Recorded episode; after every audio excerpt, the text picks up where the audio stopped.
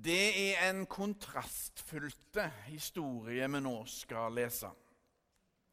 Vi er først vitne til en bunnløs og håpløs fortvilelse i en brutale og ubarmhjertige helsekø. Så er det sjokkerende glede som overtar når Jesus kommer og ser den ene stakkaren bakerst i køen og helbreda han. Når det fantastiske underet så har skjedd, er det tid for kald skepsis og lovrytteri fra omgivelsene. Til slutt blir den som var syke, klar over hvem som har gjort han friske. Jesus. Og da er det på tide for mannen å ære den som æres bør. La oss høre Herrens ord. Det står skrevet i evangeliet etter Johannes. En av jødenes høytider kom, og Jesus dro opp til Jerusalem. Ved saueporten i Jerusalem ligger en dam som på hebraisk heter Betesta. Den er omgitt av fem bueganger. Der lå det en mengde mennesker som var syke, blinde, lamme og uføre. De ventet på at vannet skulle komme i bevegelse. For en engel fra Herren steg fra tid til annen ned i dammen og rørte opp vannet. Den første som steg ned i dammen etter at vannet var blitt rørt opp, ble frisk, uansett hvilken sykdom han hadde. Det var en mann der som hadde vært syk i 38 år. Jesus så ham ligge der og visste at han hadde vært syk lenge og sa til ham, 'Vil du bli frisk?' Den syke svarte, 'Herre, jeg har ingen som kan få meg ned i dammen når vannet blir rørt opp.' 'Og når jeg kommer fram, går alltid en annen uti før meg.' Da sier Jesus til ham, 'Stå opp, ta båren din og gå.'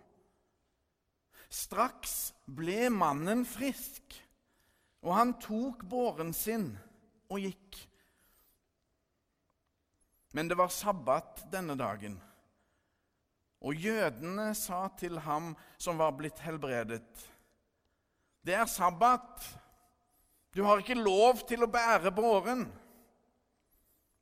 Han svarte, 'Han som gjorde meg frisk, sa:" 'Ta båren din og gå.'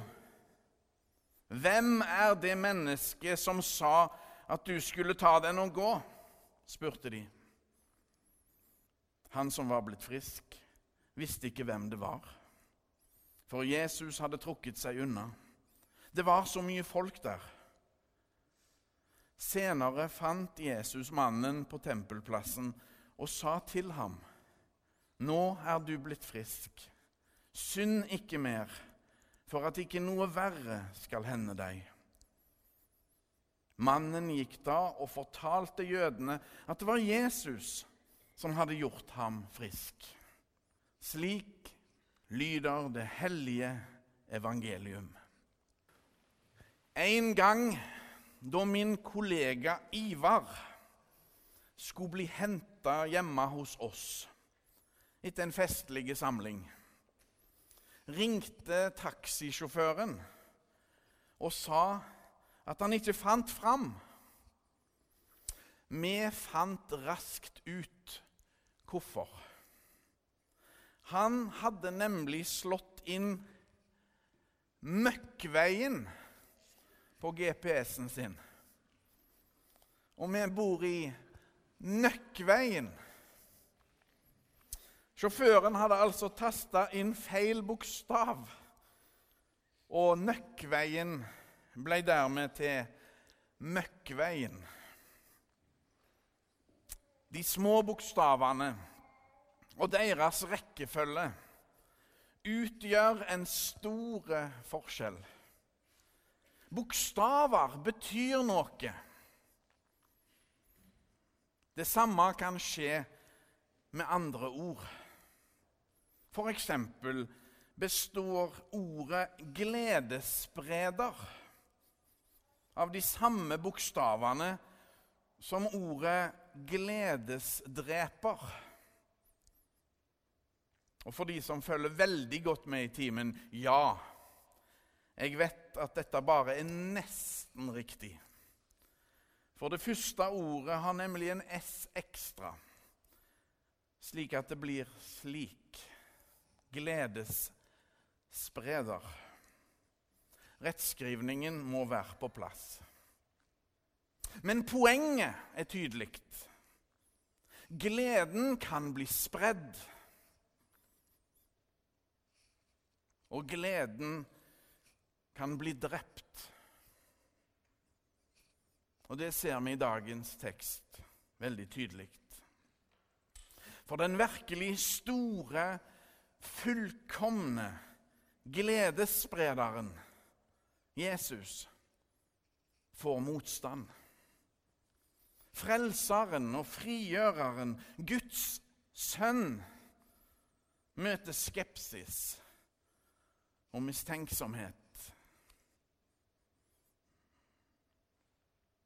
Gledesdreperne er på plass med sin lovtrelldom.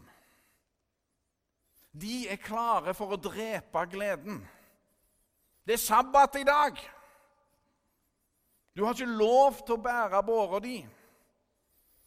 Hvem er det mennesket som piskesnerter slenger de ordene ut og gjør sine poeng tydelige. Så ligger det mye tragisk kirkehistorie i disse setningene og i disse holdningene, der det enkelte mennesket og dets sårbarhet ble oversett eller overkjørt av de fromme. Gleden ble drept istedenfor å bli spredd. Og med makt og myndighet overtok De med makt og myndighet overtok scenen og skjøv dessverre kjærligheten ut. Og det er trist Veldig trist. Når evangeliet, det gode budskapet, blir omgjort til lov, til et slaveri, noe negativt, noe vondt.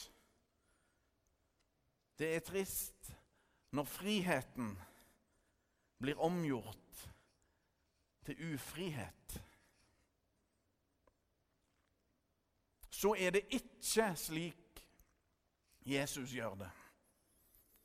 Han gjør den minste til den største.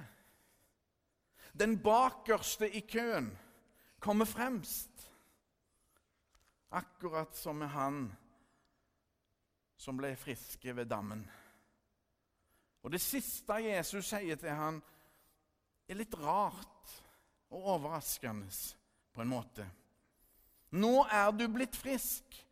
Synd ikke mer, for at ikke noe verre skal hende deg. Hva mener Jesus med det? Mener han at mannen nå skal leve et syndefritt liv?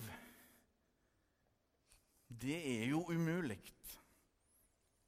Nei, det går på et djupere plan enn det.